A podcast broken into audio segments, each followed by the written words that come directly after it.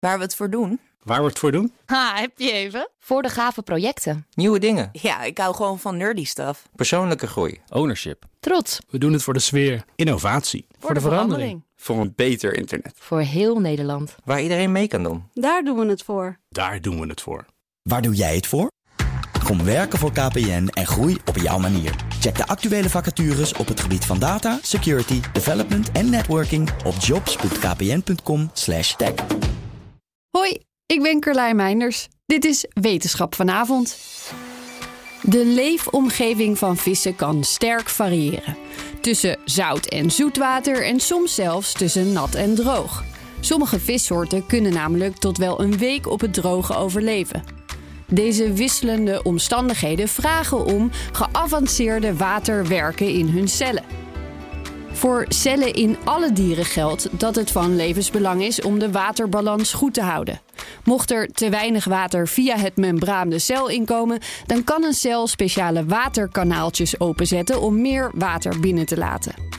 Onderzoekers waren benieuwd naar de waterkanaaltjes van de klimbaars, een vis die zo nu en dan ook tijd doorbrengt op het droge.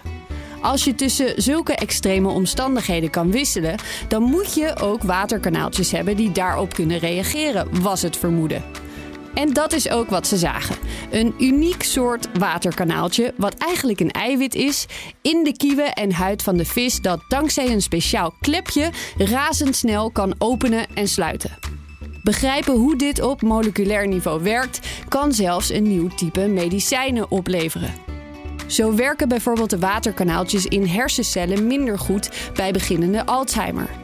Ook in ziektes of situaties waarbij je bijvoorbeeld heel snel de druk in de hersenen moet verlagen, kan dit een interessante vondst zijn.